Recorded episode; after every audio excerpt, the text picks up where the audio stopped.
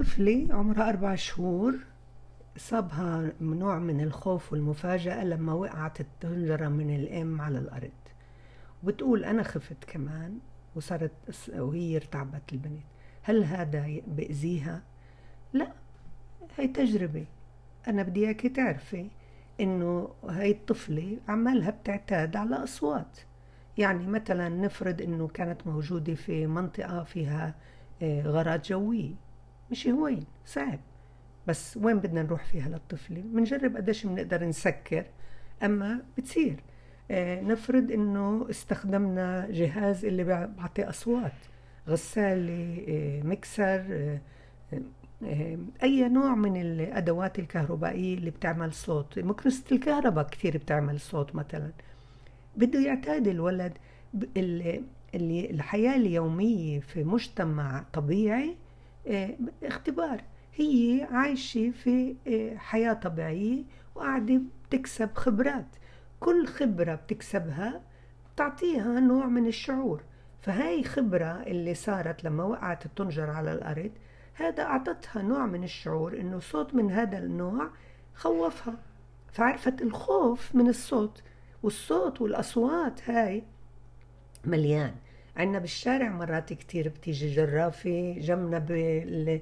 بالأرض اللي جنبنا قاعدين بحفروا بدهم يعملوا مباني بدهم يعملوا شيء هذا كلياته تابع للخبرات في الحياة اللي ممكن تكون تتأذى لما أنت بتنتبهيش لأنه ما تخليش كل الوقت تخلي كل الوقت يكون في هاي الضجة وتوقع الطنجرة أكثر من مرة. بس أنت مش رح تعديها.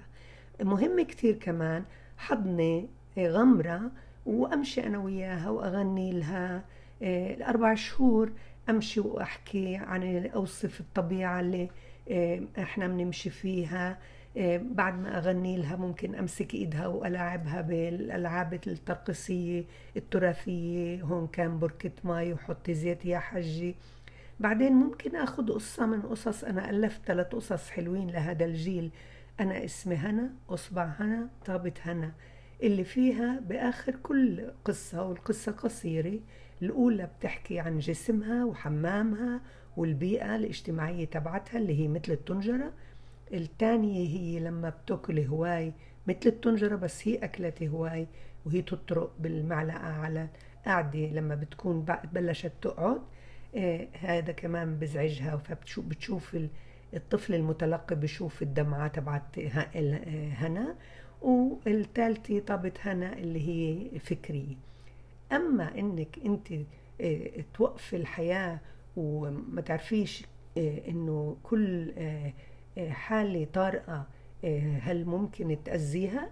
لا حالات الطارئة بدها تمرق فيها أولادنا وبدهم يتعرفوا عليها بدهم يختبروا الحياة أهم إشي وجودك اللي يطمئنها لأنها هي بحاجة لحبك شعور الحب ضروري كتير والحب لأربعة أشهر هي كيف بتسمع صوتك وأنت تحكي قصة وأنت تدعبيها مداعبات ترقصية على كفة إيدها آه، طمأنينة.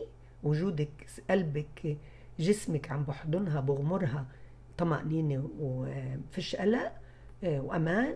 وأكيد أنت نموذج صار بتقدر يعني تركن عليك أنك بتعرفي تتكيفي مع الظروف الطارئة.